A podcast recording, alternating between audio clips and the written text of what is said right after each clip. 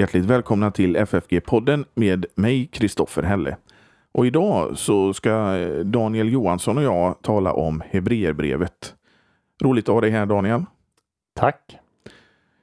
Visst är det så att eh, om man vill så kan man ge en eh, gåva till den här podden och till församlingsfakulteten? Det kan man och så kan man eh, också skicka med sin adress och då får man eh, vår tidskrift Hälsning som kommer fyra gånger om året. Så eh, om ni ger en gåva så skriv gärna med er adress för att få hälsning också. Och man kan också mejla in och få, be om att få hälsning hemskickad. Ja, glöm bara inte din adress. Nej. Och om man vill ge en gåva på Swish så är numret 123 100 8457. Och så märker man det med FFG Gåva eller FFG Podcast så kommer det fram. Och jag tror att i Swish-raden kan man skriva in sin adress också. Det hoppas jag. Ja. Annars får man mejla in och skriva att man har swishat en gåva så, så kommer det fram.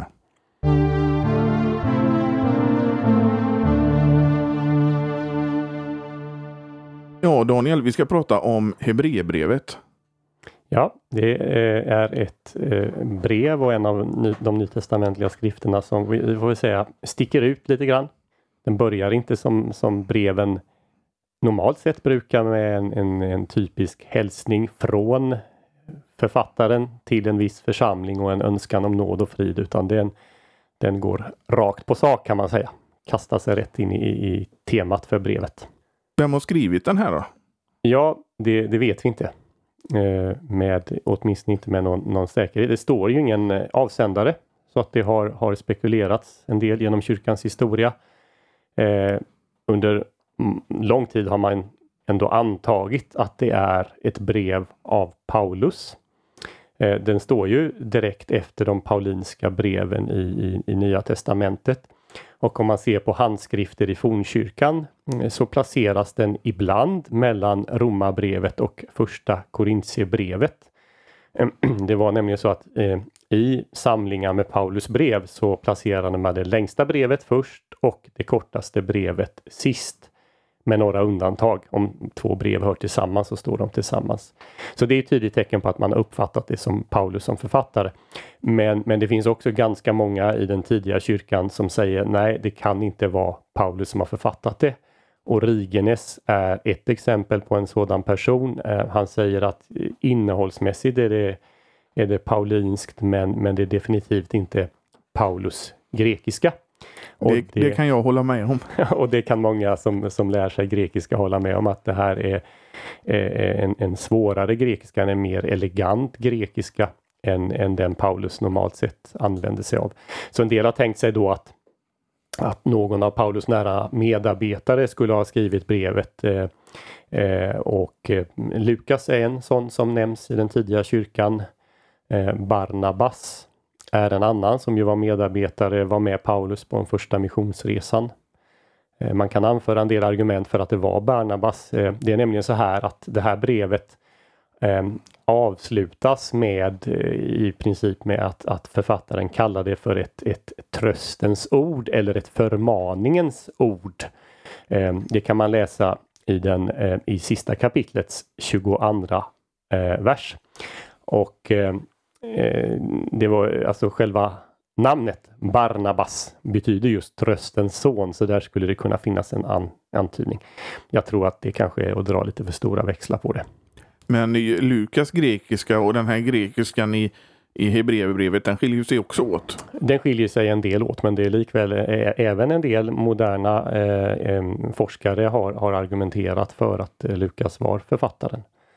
Eh, men det, det, är inte det första man tänker på när man, eh, när man läser den. Vi, vi har haft en, eller vi håller på med en läsgrupp här på, på FFG eh, där vi läser grekiska tillsammans varannan vecka och vi, vi läste Apostlagärningarna innan vi övergick till Hebreerbrevet nyligen och studenterna kunde ändå notera en, en rätt så stor skillnad.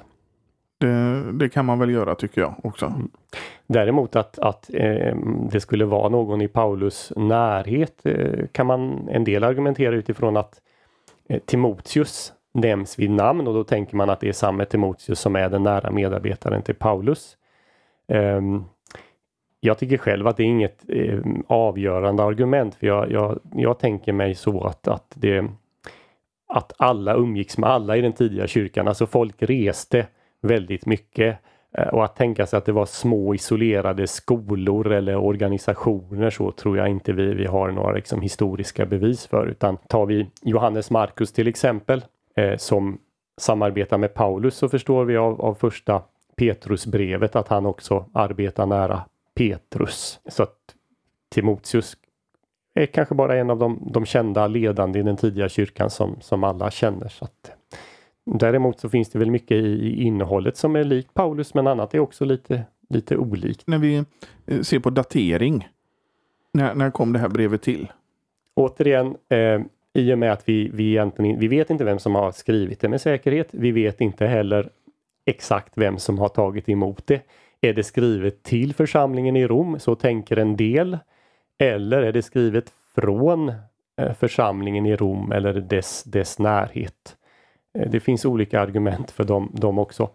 Och eh, dateringen eh, är, är också då svår. Att vi kan datera många av Paulus brev beror ju på att vi kan samköra med apostlagärningarna och se var Paulus befinner sig. För det antyder han i sina hälsningar.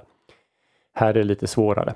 Ehm, jag tillhör dock de som tänker att det här brevet måste absolut vara skrivet före år 70. Och varför tänker jag det? Ja, det är templets fall. Det är templets fall. Ehm, templet i Jerusalem föll och det finns ingenting i Hebreerbrevet som antyder att templet skulle ha fallit. Nu kan man tänka sig att ja, men det behöver ju inte författaren omnämna eh, nödvändigtvis. Och det skulle det, så skulle generellt kunna vara fallet. Men det skulle vara ett avgörande argument i det här brevet att tala om att nu templet har fallit, att den gamla offertjänsten är obsolet. Men det argumentet missar författaren. Och författaren är en oerhört skicklig retoriker och, och, skicklig i sin argumentation och att då missa det bästa argumentet av alla, det finner jag obegripligt. Så jag tänker, det här måste vara skrivet före templets fall. Dessutom är det ett av de brev som vi, vi tidigast har kännedom eh, om ifrån annan kristen litteratur. Så cirka 96 skrivs ett brev ifrån församlingen i Rom, ifrån dess sekreterare som heter Clemens och det skickas till Korint. Och i det brevet så har vi, vi närmast ett citat eller en så kraftfull allusion, anspelning på innehåll i Hebreerbrevet att att vi, de, de flesta menar att vi är helt säkra på att Clemens måste känna till Hebreerbrevet, det vill säga Hebreerbrevet är känt eh, 96 när det här brevet skickas till Korint. Och det är bland det tidigaste vi har. Vi har anspelningar på, på, på ytterligare något nytestamentlig skrift i det brevet. Så vi, vi kan inte eh, datera Hebreerbrevet efter år 100 eller så utan det är en säker tidig datering. Men, men om nu templet föll år 70 Eh, hur, hur snabbt tar den här nyheten att templet har fallit att färdas till Rom? Åh ja, det, det måste ha gått väldigt fort. Det måste ha gått väldigt fort. Mm. Så att eh, eh, ah, det, det, jag, jag, vet inte hur snabbt vi kan bevisa, men jag, jag, tror att det är känt i Rom inom några veckor. Det är naturligtvis en, en triumf att, att eh, Jerusalem har fallit också för, för det romerska imperiet. Vi ska ju komma ihåg att, att den som ledde och var befälhavare för, för de romerska styrkorna eh, var ju Vespasianus eh, som nu har blivit kejsare och hans son Titus är den som, som leder eh, belägringen av Jerusalem och, och, annat där. Så att det finns ju verkligen en direkt kontakt mellan den romerske kejsaren och det. Dessutom är det en sån oerhörd händelse för, för judarna och, och, och också naturligtvis för, för för Messias troende judar att templet i Jerusalem har, har gått under på nytt. Och förra gången så, så när hellenisterna tog templet så gjorde de ju bara om templet. De rev det ju inte de, så som romarna gjorde. Uh, ja, du, du, tänker på Antiochus Epifanes där ja, och, ja. och Makaberupproret. Nej, nej, nej. Det här, det här är ju en, en, en händelse som är lika om, omskakande eh, som när babylonierna förstör templet då på, på 500-talet. Mm. Så att det, eh, det finns ju en del som har mm, alltså historiker och NT-exegeter som har gjort ganska mycket av det här. Ehm, till exempel J.A.T. Robinson som var biskop i, i, i, engelska kyrkan. Han, han argumenterar utifrån templets fall och dess betydelse att alla nytestamentliga skrifter måste vara skrivna före år 70 för att det finns ingenting i dem som som ger uttryck för att templet har fallit. Jag vet inte om det stämmer i, i alla fall, men däremot tycker jag det är ett oerhört viktigt och bra argument när det gäller Hebreerbrevet. Ja, för det är ju uppenbart med just med det ärendet som Hebreerbrevets författare har mm. så, så är ju som du säger att det är det bästa argumentet att templet har fallit. Ja, det skulle det vara, för här, här handlar det om att tala till kristna, i, i, kanske i huvudsak kristna med en judisk bakgrund, Messias troende judar som är frestade att återgå till en judisk tro utan Messias, utan, utan Jesus som, som den utlovade Messias. Eh, det är det som brevet återkommande varnar för. Och det finns goda skäl till, eller man kan säga att det fanns goda skäl till att, att eh, Messias troende judar skulle lämna den kristna tron och återgå till en, en gammaltestamentlig tro utan Kristus. Därför att vid den här tiden, låt säga att vi är framme vid 60-talet, eh, så börjar det bli klart att den kristna tron är en ny religion, är att uppfatta som en ny religion.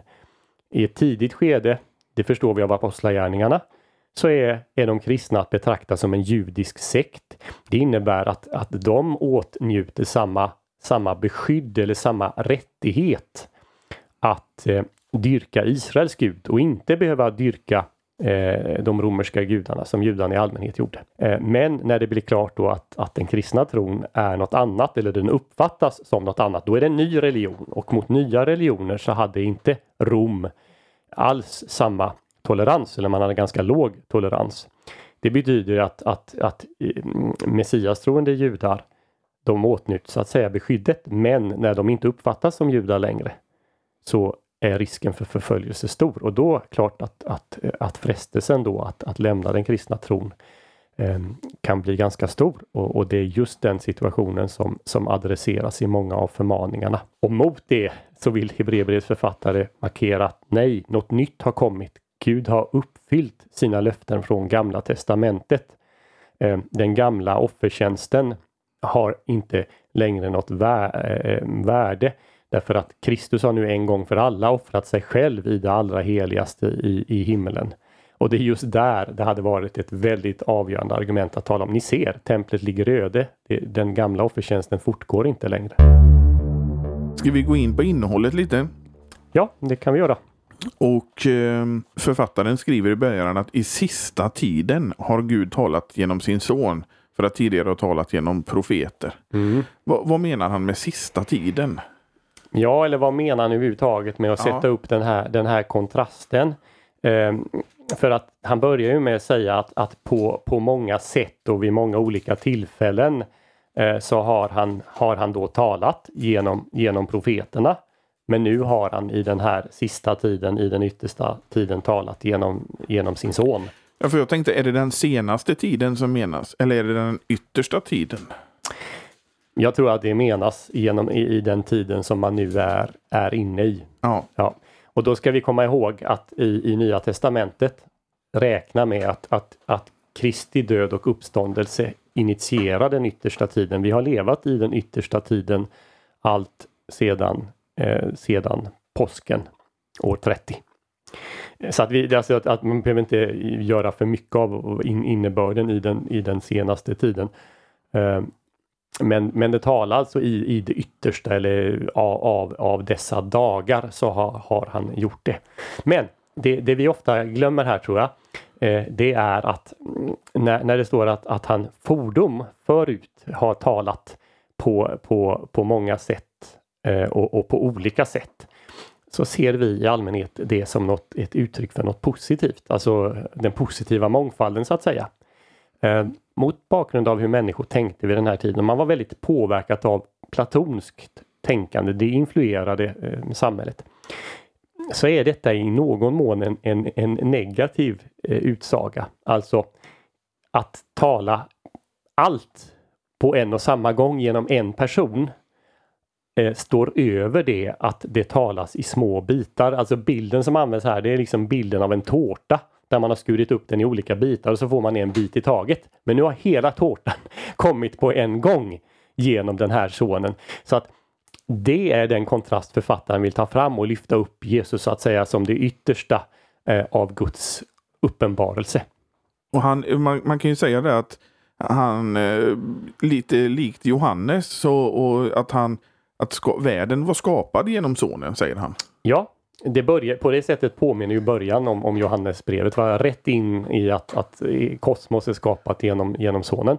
Nu eh, så framkommer ju det på fler ställen i Nya Testamentet. Paulus har ett par olika utsagor. Han har ju en underbar lovsång i början på Kolosserbrevet, ganska lång, eh, där precis eh, en sådan utsaga finns. Eh, och vi har även i, i, i första Korintierbrevets åttonde kapitel eh, där det också talas om, om hur sonen har varit med vid skapelsen. Men det, på det sättet är det lite likt Johannes eh, evangeliet.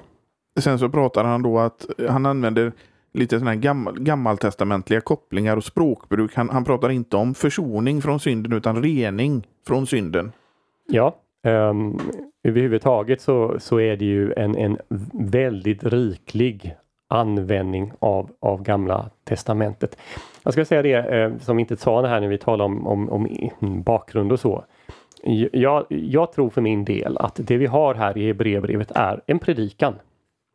Eh, en predikan som sen avslutas med, med en hälsning, alltså en predikan som har skickats eh, till församlingen. Eh, eh, ett skäl för det är, är, just att den kallas för det här tröstens ord eller förmaningens ord. För exakt samma fras dyker upp på ett annat ställe i, i, i Nya Testamentet, nämligen i Apostlagärningarna 13. När, när Paulus eh, tillsammans med Barnabas faktiskt eh, kommer till synagogan i Antiochia i Pisidien. Och där blir de tillfrågade om de har något för, eh, förmaningens ord eller tröstens ord. Så det tycks vara, det tycks vara en teknisk term för predikan. Eh, så jag tror att vi har, vi har helt enkelt här en predikan och den, den inleds rakt på sak med att tala och lyfta fram Kristus eh, som sonen här i inledningen. Eh, och, och, och, det görs då, eh, och, en predikan utgår ju från skriften så att säga, så den här eh, hela eh, brevet eh, citerar och utlägger inte minst och förklarar eh, gammaltestamentliga ställen. Men rening från synden, det är ju någonting som eh, man nog kan koppla ihop med det gammaltestamentliga språk, språkbruket. Att man, de här tvagningarna och sånt där. Så att det du säger att han pratar till folk med en judisk bakgrund är väl ganska uppenbart i det här, när han använder de här eh, orden. Eh, ja, det, det, det är uppenbart och han, han, han citerar ju, talar, utlägger, förklarar den gammaltestamentliga gudstjänsten eh, och kontrasterar då den med, med vad sonen har, eh, vad han har gjort här nu i, i de sista av dagarna. Och han börjar ju också med att sonen är större än änglarna och änglarna talas det om i, tidigt i ja. första Mosebok och han är större än Mose och han är större än alla andra. Man, man skulle till och med kunna eh, dela in eh, eh hela brevet i eh, Kristus som den som är större än. Eh, och i det första avsnittet då handlar det om just att han är större än änglarna. Och som du säger, han är större än Mose. Eh, han är större än, än prästerna. Han är större än det gamla förbundet. Han är till och med större än troshjältarna, eller till och med, han är också större än troshjältarna i Gamla Testamentet i kapitel 11. Så då, då, man, man, kan liksom hitta hela strukturen i evangeliet på det sättet. Lite grann förenklat men en hjälp. Och då blir eh, det, det är en fråga som jag tror många har ställt sig inför. Är, vad är poängen med att, att säga att sonen är större än änglarna? Är inte det självklart? Jo, då, men då är liksom saken att vi kommer nu så att säga från vårt håll när vi läser det här. Vi, vi vet vem, vem Kristus är utifrån hela Nya Testamentets vittnesbörd och så vidare. Men vi ska, vi ska komma ihåg att änglarna hade en oerhört viktig plats i, i Gamla Testamentet och i, i den judiska tron vid Jesu tid. Man kanske kan säga att den hade en ännu större plats vid den tiden. Vi, vi har inte jättemånga utsagor om änglar i Gamla Testamentet. Men när vi kommer fram till den så kallade pseudepigrafiska litteraturen, det som är litterat eh, och, och, litteraturen från det andra templets tid, så tillskrivs änglarna mm, allt mer, allt fler olika roller. Till exempel hur Gud styr hela universum, hur han styr väder så att säga. Att man har en ängel som ansvarar för snö och en annan som eh, liksom hur de ansvarar för, för olika områden i hela skapelsen. Det låter ju nästan lite som de här eh, hellenisterna och romarnas månggudadyrken. De hade ju gudar för de här uppgifterna. Ja, alltså det, det, det kan vi helt krasst konstatera att det finns en likhet så att säga där, där greker, romare och många andra religioner så att säga. Det finns olika gudar som ansvarar för olika områden. Det finns då i, i den judiska tron änglar som absolut inte ska dyrkas, men som är Guds så att säga utsända redskap för att skjuta, eh, sköta om olika sådana saker. Men då, mot den bakgrunden så förstår vi nu, nej, Jesus, han är placerad eh, långt ovanför dessa änglar. Och eh, det, det är ju jag tänkte vi kan gå in på det lite när vi pratar om han är större än, och det finns ju någonting som heter subordination. Mm.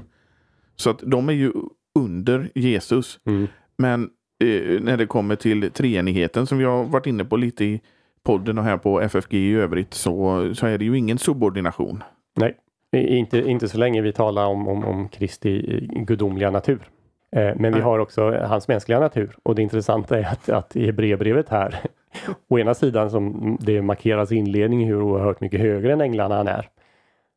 Eh, när vi kommer in i kapitel 2 genom ett citat från Psaltaren 8 så är han under änglarna. Och, och, och det är en sak som är ögonfallande i Hebreerbrevet, alltså en kristologi som å ena sidan betonar på olika sätt att Kristus är sann Gud. Den som har läst min skrift Glans, eh, och som vi har talat om här tidigare, skulle kunna ta fram de, de där fem kategorierna och så kan man läsa kapitel 1 i, i Hebreerbrevet och så ser man att man kan faktiskt pricka av alla fem kategorierna där. Väldigt starkt och, och mångfacetterat argument för, för hur sonen är då sann Gud. Men samtidigt så betonas så starkt att han är sann människa. Han är för en tid under änglarna. Han är lik oss i allt utom i det där att han har syndat. Eh, det beskrivs liksom att jag, eh, jag, jag, tycker att klimax i den där argumentationen eh, fram i, i eh, om jag minns rätt här nu, kapitel 5 eh, är det väl, vers 12, så säger fastän han var son, alltså och son är då en beteckning på att han är, är, är, är ett med fadern, om vi använder senare. Fastän han var son så lärde han sig lydnad genom lidande. Alltså det, det för oss, för vårt mänskliga förstånd, hur ska vi få, få det gå ihop? Alltså som, som son så, är han, så har han alla gudomliga egenskaper, attribut och en del av de här attributen tillskrivs honom då i kapitel 1. Och så sägs samtidigt om honom som då i, i, i det avseendet är helt perfekt, lika fullkomlig som Gud, att han ändå har lärt sig lydnad genom, genom sitt lidande. Eh, så hur ska vi få ihop det så att säga, den gudomliga naturen som kan och vet allt och en mänsklig natur som är, är lik vår då i allt utom synden som liksom måste lära sig bli fullkomnad. Står det på flera, det är ett viktigt tema i, uppenbar, i, i Hebreerbrevet, att bli fullkomlig, att bli perfekt. Och sonen blir enligt sin mänskliga natur perfekt.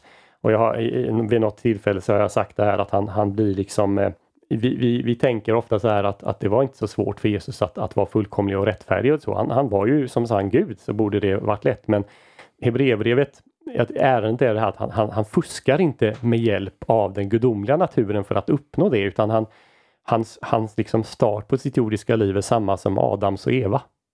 Han, han kan bli, han kan vara, han blir fullkomligt perfekt också enligt den mänskliga naturen. Och hur vårt förnuft ska begripa det, det, det, det går liksom inte att... Men han beskriver ju det att eh, de andra, till exempel Mose och Abraham, de var eh, herrar över huset men Jesus är son i huset. Ja, Ja. Och det är någonting större för det är hans eget. Ja, ja det, det är riktigt. Förlåt, det var i, i eh, den åttonde versen i det femte kapitlet så det inte blir fel. Där står det. Dessutom är det lite formulerat därför han, han använder sig av ett, ett rim. E-maffen och e-paffen. Maffen har då med att lära sig och paffen med att lida. Eh, som vi sa inledningsvis, alltså författaren är väldigt retoriskt skicklig hela brevet eller predikan då börjar med en allitteration. Alla, ett, ett antal ord i början börjar på samma stavelse. Och det, och det är ju en grekiska som vi inte ser i Nya Testamentet i övrigt skulle jag säga. Ja, inte, det, det finns ingen vackrare och mer välpolerad grekiska någon annanstans och, och, och, på det sättet avancerad. Vi har väl i andra Petrusbrevet något som i svårighet liknar det här. Eh, det gör att, eh, alltså till exempel så är det ett ordförråd då som går långt utöver många andra, vilket är en utmaning för, för när man läser då det ord som man hade stött på tidigare. Eh, det finns till och med tio stycken ord i Hebreerbrevet som inte finns belagda någon annanstans i den grekiska litteraturen innan Hebreerbrevet. Så frågan är om det beror på att vi inte känner till orden eller det beror på att det är någon särskild dialekt där det är vissa lokala ord som plockas upp. Eller det helt enkelt är så här att Hebreerbrevets fattare är en uppfinnare av ord. Uh, ungefär som Tertullianus som, som liksom har en, en 950 nya latinska ord att han myntade. Uh, eh, några ord här i Hebreerbrevet är definitivt av den karaktären, alltså det är lite teologiska termer. Det, det, upp, upplevelsen är att han, han har liksom satt ihop olika ord för att nybilda ord. Det tycker jag är intressant och spännande. Ja, det, men det är precis som du säger att när man läser, det är alltså nya ord som man stöter på. Ja. Och som då också blir nya, alltså de här böjningarna med augment och allting så att det kan vara jättesvårt att, att komma på. Ja, mm, men, men, samtidigt är det så att eh, det, det kanske inte är helt nya ord. Det kan vara ett ord som, som eh, studenten, läsaren känner till från tidigare men, men han har då lagt till en preposition i inledningen, något som man inte har stött på. Då kan man ofta bakvägen ändå ana sig till vad ordet betyder. Det som jag är, är kanske ännu svårare det är att grekiskan har ju fri ordföljd. Eh, men om man tar ett, ett sånt um, skrift som är lättläst som Johannes evangeliet till exempel så är ordföljden ganska nära en, en, en sån ordföljd som vi har i våra moderna språk. Hebreerbrevet utnyttjar verkligen den fria ordföljden, vilket betyder att man, man måste liksom läsa igenom en vers eller till och med flera vers för att hitta vad är, vad är huvudverbet här och hur hänger de olika delarna ihop och då måste man kunna så att säga sin grammatik ordentligt så att man ser vilka saker som hör till vilka, det vill säga man måste kunna böjningsändelserna och så och det är en liten utmaning. Samtidigt måste jag säga det eh, att jämfört med till exempel apostlagärningarna så är det väldigt sällan det är eh, en mångtydig eller tvetydig betydelse. Alltså om du bara har löst alla ekvationer här och analyserat det rätt, förstår vad orden betyder, så vet du vad det står. Det är inte så här att du då, då kanske är att det liksom hänger det där ordet ihop med, med det ordet eller med det och, och så kanske det blir flera olika möjliga betydelser. Många gånger i Johannesevangeliet till exempel så är det inte helt klart vilken exakt betydelse. Eh, är det här en, en finalsats? Är det här en, en konsekutiv sats? Är det, är det bara en vanlig att-sats? Det dyker upp när man stöter på den här lilla ordet hinna, för att, så att eller att. Men, men sånt där har du riktigt inte i Hebreerbrevet. Så att, eh, och, och, en annan intressant sak eh, som framgår när man läser notapparaten det är att det, är väldigt, det, det, finns inte jättemycket textvarianter. Om man till exempel jämför den texten vi har i, i våra eklektiska moderna utgåvor, Nestlaland, med den bysantinska texten eller det som vi kallar textus receptus, den som, som Luther hade att översätta. Vilket är då ganska sena texter som har läst i, i, i den grekisk-ortodoxa kyrkan. Så är det ytterst sällan eh, vi har några varianter där. Eh, och Det kan ju finnas olika förklaringar men en förklaring är helt enkelt att grekiskan är, är så bra och begriplig här att det har inte dykt upp varianter som för att man inte riktigt har, har förstått. För, för ibland dyker det upp varianter när man då ska förklara eller man, man korrigerar en grekiska som man upplever är inte riktigt på så hög nivå. Men, men som sagt att det är ju lite likt Paulus om man läser Romarbrevet till exempel. Kanske man får börja i slutet för att börja översätta. Ja, det kan man men, men, eh, men det ehm, eh, är jag, säger att å ena sidan är, är, det svårare att läsa Hebreerbrevet, å andra sidan är det lättare än Paulus. För det, det, det, kan också vara när Paulus staplar sina genetiver på varandra till exempel. Så det är inte alltid så lätt. Alltså det, finns, det kan finnas en mångtydighet i de genetiven, De kan tas åt lite olika håll. Det är, är inte lika eh, svårt i Hebreerbrevet. Däremot att, att till exempel när man då har en, en, en, eh, en mening som kanske går i fyra, fem verser som det kan vara i Hebreerbrevet. Eh, så det är inte alltid så lätt att återge det på en, en bra Även om du vet exakt vad det betyder, hur återger du här ändå nära grundtexten på en god svenska? Det är inte alltid så lätt. Nej, det är inte så lätt med varken med Paulus eller med eh, Matteus heller. Nej, det är, det är väl en, en, en utmaning. på olika det, är ju, det är ju betydligt lättare med Johannes. Ja, eh, ofta, ofta. Men det är också där, där, där har du alltså ett, ett, ett flöde av texten som inte är så olikt eh, det som vi har i moderna språk heller. Nej. Uh, ja. Sen finns det ju saker i, i, som, som tyvärr, alltså här, här har man en anledning att lära sig grekiska.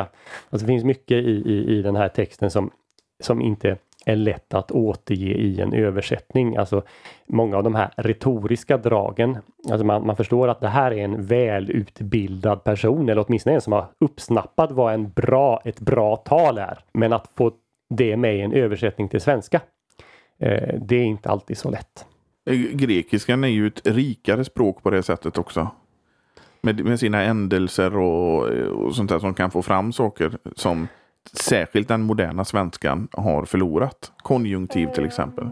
Åtminstone är det så att man eh, på svenska behöver vi emellanåt lägga till en, del, en hel del ord för att eh, få fram det som, som bara en verbform på grekiska eh, kan tala om. Men, eh, men som sagt, det, det är skickligt skrivet som, som vi inte riktigt det finns vissa andra retoriska drag, till exempel hur, hur författaren appellerar till våra sinnen. Det märker vi i en översättning. Det, det talas om beröring och lukt och smak och, och synintryck och hur, hur, man ska gå i Kristi efterföljd och sådär. Väldigt mycket sådana metaforiskt eh, språk som, som gör att åhörarna lyssnar, hör, kan följa med i, i, i, i själva argumentationen. Sen så skriver han att eh, sonen han har ärvt det här, ett, det här namnet. Vilket namn är det? Ja, det är det namn som, som, eh, som är Guds namn. Det, utifrån sammanhanget så måste det vara det det betyder. Det tillhör liksom de här höga kristologiska dragen i inledningen bland, det, bland alla de sakerna som nämns. Ehm, en sak som är väldigt, ehm, som vi måste tala om här, eh, det är ju de här GT-citaten eh, som används i, i första kapitlet, bland annat. Alltså eh, ibland så, eh, för oss så skulle det vara väldigt vågat att använda en del av, av citaten om, om Jesus. Alltså han, författaren tar citat i Gamla Testamentet som, som handlar om, om Herren Gud, Israels Gud, i, i, i sitt, sin kontext i GT. Men de appliceras så här utan vidare eh, på Kristus här i, i Hebreerbrevet. Och ett drag som finns i Hebreerbrevet och som man nästan inte alls eh, stöter på.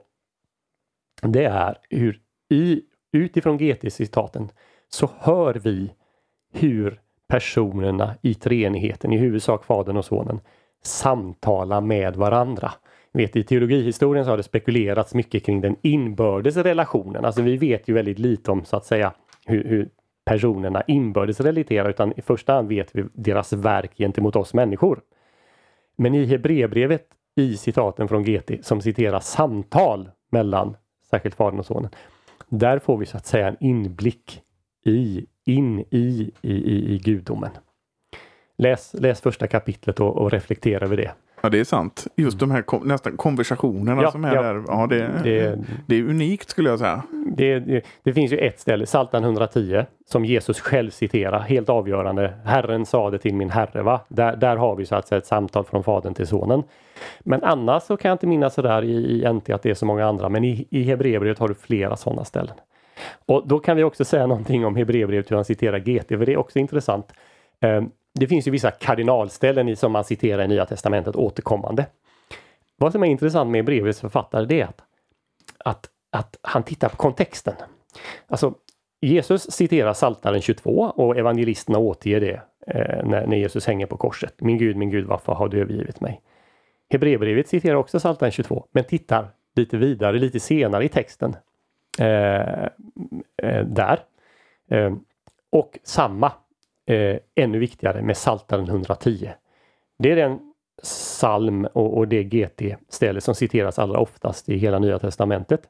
Och då är det Saltaren 110, vers 1. Herren sade till min herre, sätt dig på min högra sida. Men vad Hebreerbrevets författare gör, är att han tittar på hela salmen och vad står det i vers 4?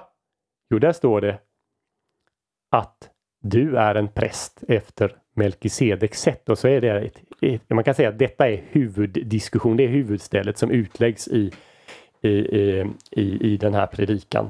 När vi har kommit en liten bit in efter inledningen. Men jag tänkte, vi pratar här nu om Kristus uh, som, som Gud i, i första kapitlet. Och i andra kapitlet så är det ju då Jesus, han är ringare än änglarna och det här. Mm. Och då, då, är det ju lite, kommer jag in på det som vi kallar för communicatio idiomatum. Eh, och detta är nog vad jag kommer ihåg enda gången det liksom diskuteras så i skriften på det sättet. Mm, ja, frågan, frågan är om, om kommunikatioidiomet, alltså egenskapernas förmedelse här, alltså hur, hur, hur eh, alltså sa, eh, Kristi gudomliga och ja, hur, hur natur. saker i den gudomliga naturen, alltså hur naturerna samverkar då, framförallt hur den gudomliga naturen ger egenskaper till mänskliga.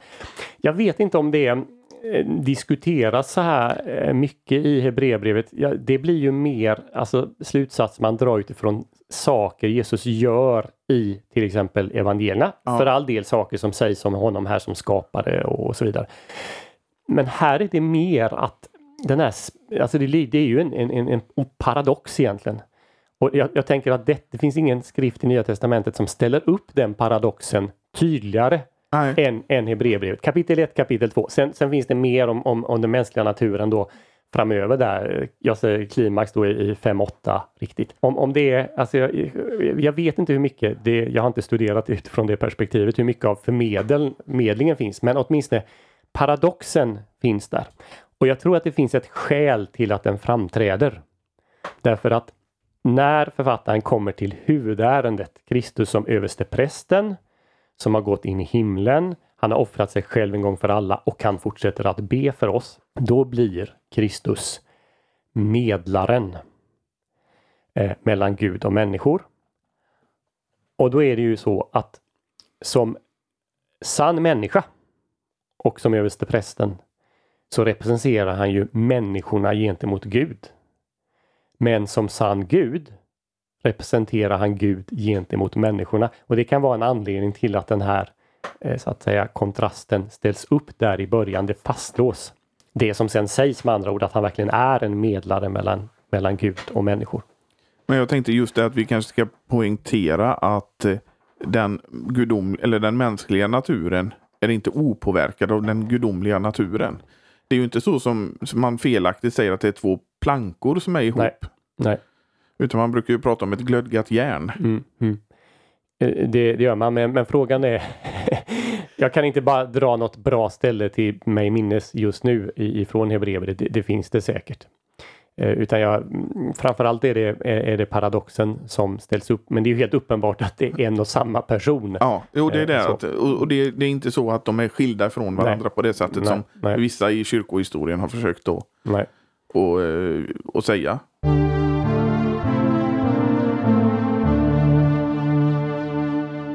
Jag tänkte vi kan gå in på det. Han pratar om avfall. Mm. Och, och här, om- här, här är han ju inte riktigt överens med Hebre- Hebreerbrevets författare är inte riktigt överens med andra nytestamentliga författare om hur avfallet går till. För han skriver ju att avfallet är permanent. Mm. Ehm, ja, det beror på vad man menar. Alltså det beror på hur man förstår det som sägs här och om huruvida han är överens eller inte. Martin Luther menade ju att det här stämmer inte med Pauli, Pauli lära, eh, de här två ställena. Det var de, de två ställena, ett i, i kapitel 4 och ett i kapitel 10. Eh, de var problematiska mm, för, för Luther och de var problematiska i, i urkyrkan. I, Alltså det fanns frågetecken kring apostoliciteten här i Hebreerbrevet och framförallt var det i, i västkyrkan eh, vad gäller Hebreerbrevet. Vilket hängde samman med hur man skulle hantera kristna, biskopar, präster, lekmän som under förföljelser av peri perioder av förföljelse då hade på olika sätt eh, avfallit eller åtminstone eh, givit vika för den romerska staten. Det kunde handla om bara en sån sak som att man lämnade ut eh, liturgiska böcker, heliga böcker till, till dem eller att man då förnekade. Kunde de, kunde de komma tillbaka eh, till den kristna kyrkan eh, om de ångrade sig? Det var ju en diskussion i västkyrkan och, och ledde också till en del splittringar. Jag kan tänka framförallt på den donatistiska striden som hänger samman med det. Och just de som menar att det, det fanns en, en, en väg tillbaka. De satte också frågetecken kring utsagorna i, i Hebreerbrevet. Och då, då är ju frågan hur man ska förstå dem och, och, och jag, jag tänker i, i första hand så handlar det om eh, människor som när man läser det idag kommer i, i själanöd på grund av det här. Det här brukar vara de ett par av de ställena som människor ofta undrar över tillsammans med, med synden mot den heliga ande som inte eh, kan förlåtas. Dock, eh, det vi måste komma ihåg är ju först och främst bakgrunden till det som, som författaren här säger. Nämligen att situationen är den att man, man överger den kristna tron för att återgå till, till en tro utan Kristus, till den judiska tron. Så det, det handlar verkligen om ett regelrätt det handlar inte om att falla i synd i allmänhet utan det handlar om att, att regelrätt bryta med den kristna tron helt, helt och hållet. För jag tänker, de, de reformerta har ju det här att eh, om man, den som, man kan inte avfalla säger de väl? Ja, eh, alltså man säger att det är omöjligt att avfalla i åtminstone i vissa riktningar. Eh, och eh, då förklarar man ju sådana här ställen med att, att de då som så att säga skulle avfalla på det här sättet, de har aldrig haft någon sann tro. För de som har den sanna tron eh, håller alltid ut i den. Men det måste väl också, om man har den sanna tron så måste det väl vara att man eh, vattnar den och matar den genom eh, förkunnelse och läsning och sånt där. Mm. Nej, men jag tänkte på just det att du drog parallellen till eh, det här med att synda mot den heliga ande. Mm, mm, mm. Och eh, jag vet att Timolato sa en gång att om man oroar sig för att man har syndat mot den heliga ande så har man nog inte gjort det. Eh, vänta nu, vad sa du? Om, om, om man... Om man o, inte oroar, eller man har oroat sig Om man oroar man, sig, ja. så har man nog inte gjort det. Men den Nej, som men inte... precis, precis, precis. Då, då, då vet man att han, då är man förhärdad och, och om man nu har gjort det och, och, och kan inte, så att säga, man, man berörs inte längre av Guds ord och, och, och kan komma till tro igen. Och jag tänker att någon, någonting sådant ligger också i, i bakgrunden på, på det som sägs här. Ehm, och sen, sen får man väl, man, man, måste också ta med det att här är, här, här är ett brev. Ehm, eller, ja, det är ju det, ett brev, en predikan, va, som verkligen på alla sätt vill nu varnar och förmana och uppmuntra. För alla de där aspekterna finns med. Läsarna att förbli trogna Kristus. Och eh, då, då kommer ju det här som de, de kanske allra kraftfullaste varningarna det talas liksom att om man nu gör det så har man på nytt korsfäst Kristus. Alltså man, man, man hamnar bland dem som, som, som, som korsfäste Kristus eh, då när han blev korsfäst då 30. Eh, så att det, vi måste också se det i, i det sammanhanget, i, i varningens eh, sammanhang här. Att han liksom tar de yttersta konsekvenserna av det. Vi, vi var inne på det, på det här med vad, vad Luther tyckte om det här och han var, var ju kritisk mot andra epistlar också. Uh, hur, ställde han sig till Hebreerbrevet som, som helhet? Men alltså man läser företalet då till Nya Testamentet, eh, både det från eh, eh 22 var det väl och eh, eh, även, även det som kommer till helbibeln sen så, så är han ju just på, på de här punkterna kritisk. Eh, mm, Samtidigt så lyfter han fram annat, liksom inte minst att det är föredömligt undervisat om Kristus som, som överste präst. Så, eh, jag, jag eh, tror faktiskt att, att Luther var väldigt mycket påverkad av Hebreerbrevet. Jag håller faktiskt på att skriva lite om det just nu.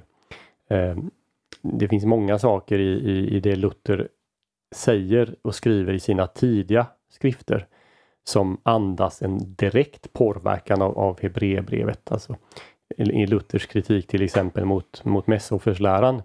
Där tycks Hebreerbrevet varit helt avgörande och då är det inte bara frågan om, om, om hur Hebreerbrevet betonar det här att han en gång för alla utan det finns andra aspekter i, i det. Men det, det avslöjar inte jag nu.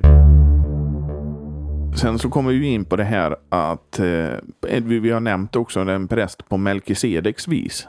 Ja, eh, nu, nu är ju en viktig, viktig sak som vi har sagt flera gånger här. Det, det är ju att tala om, om offertjänsten och, och prästtjänsten, templet eh, i Gamla Testamentet. Och att föra i bevis att Kristus är präst och han är överste präst. Och, och, det finns ju ingen annan ställe i Nya Testamentet där det görs, åtminstone inte explicit, det är möjligtvis någon anspelning. Och, eh, och då, då finns det ju ett motargument med det, nämligen som anförs av författaren själv. Eh, alltså, hur kan vi säga att Kristus är präst när han kommer från Judas stam? Vi, vi vet alla att han kom från Judas stam, men från Judas stam kommer inga präster, de kommer från Levis stam. Eh, och det är ju ett, det är ett, ett bra argument. Och då kan vi, eh, alltså först kan vi bara konstatera att författaren använder inte en väg som kunde varit möjligt, nämligen att han utifrån eh, Kristi moder hade argumenterat för att han var av översteprästlig släkt. Därför att Maria är ju släkt med Elisabet eh, som är gift med en präst, Sakarias. Och det står att de var fromma och rättfärdiga, vilket tog innebära att också alltså en, en, en präst skulle vara gift med en Anna Levi dotter. Så att Elisabet tog det vara av prästlig släkt. Och är då Maria släkt med Elisabet så tog hon också vara av prästlig släkt. Men, och det antyds ju i Lukas evangeliet här, men den vägen väljer inte Hebreerbrevets författare utan Hebreerbrevet utgår ifrån sin läsning av skriften och Psaltaren 110 där det står i den psaltarpsalm som Jesus själv har talat om, pekar på honom som den ena av de två herrarna där.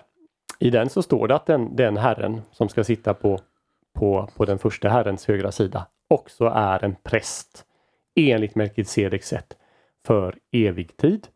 Eh, och att, att, att det är Gud själv som har, har svurit och sagt att, att han är präst på det sättet.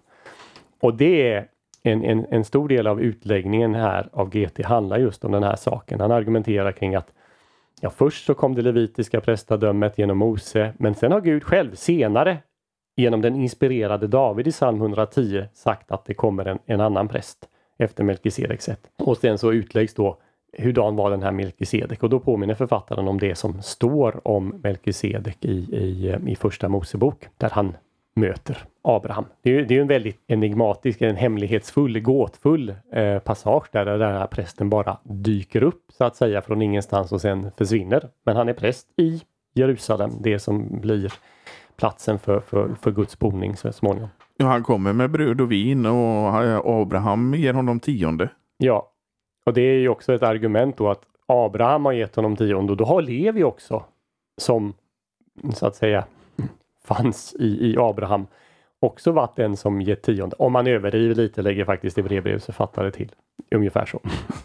Eh, men just det här att han kallas för överstepräst Jesus i det här. Eh, det är ju att eh, det är ett av Kristi tre ämbeten. Och de andra två är ju profet och kung. Ja. Det finns en, del, en systematisk del av det här också kan man säga. Ja, det gör det väl. Um, och um, i, i Hebreerbrevet så är det väl kanske framförallt uh, det är ju den här översteprästliga aspekten som, som lyfts fram. Och att, att han både talar om Kristus då som, som präst och överstepräst.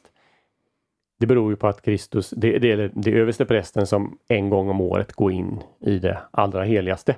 Och på samma sätt då, på ett liknande sätt har Kristus gått in i det allra heligaste, vilket är in i själva himlen. Eh, och för, för att offra sig själv. Så Kristus är ju han är ju outstanding både på det sättet att han är det efter Melkisedeks sätt. Han argumenterar att Melkisedek är utan början utan slut. Så att säga, det är han ju så att säga i berättelsen. Det blir ett argument för att Utan Kristus, släkttavla. Utan släkttavla. Det blir ju ett argument för att Kristus också är, Eh, har ett evigt prästadöme. Och, men, men sen är det ju det, inte bara det att han har offrat en gång för alla, liksom det avgörande offret vid en viss tidpunkt, utan också att det är, är att han offrat sig själv Eh, och man kan, om man vill, så kan man ställa upp ganska många punkter på vilket det överste prästen eller de levitiska prästerna kontrasteras med, med Kristus som överste präst och hur Kristus hela tiden kommer ut på toppen så att säga och, och, och gör något, eh, något bättre.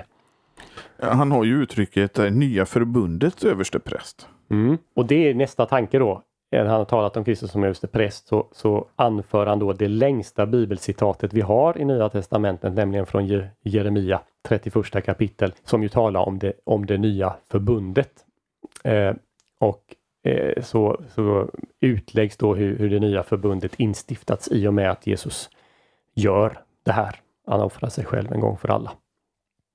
Och det blir ju så att säga, allt det här är ju mm, en, en, en biblisk argumentation för att de nu som, som, som är av judisk släkt och som kommer till tro på Kristus, att, att de har nu fått del av det här nya, då kan man ju inte lämna det för att återgå till det gamla. Jeremia, eller löftet från Herren genom Jeremia, har nu fått sin uppfyllelse. Ja, löftet har ju fått sin uppfyllelse och det han pekar ju på att det inte bara, det är ju, han nästan punktar av de här löftena från Gamla Testamentet. Ja, åtminstone de, eh, alltså, alltså det som handlar om, om prästtjänsten och, och, och det levitiska tabernaklet och det kan vi säga framförallt. Jag tycker det är, alltså det är en väldigt koncentrerad framställning eh, här. Huvudsaken är den här saken Kristus som överstepräst som har offrat sig själv. Det som kommer före är så att säga en inledning till det. Och som en, um, ett, um, alltså ett, ett parallellt tema som hänger samman med, med det. Det är ju då uppmuntran, förmaningen, varningen. Uppmuntran att bli kvar, varningen för att avfalla. Eh, vi har egentligen vi har två listor över Gamla Testamentet eller genomgång Gamla Testamentet. Det finns det som är trons hjältar eh, i kapitel 11, men faktiskt i kapitel 4 tidigare då så kan vi säga att vi har otrons hjältar eller något. Alltså ökengenerationen lyfts fram som ett exempel att inte följa. Eh, där trons hjältar eller exempel i kapitel 11 är de som, som åhörarna ska följa i, i deras fotspår.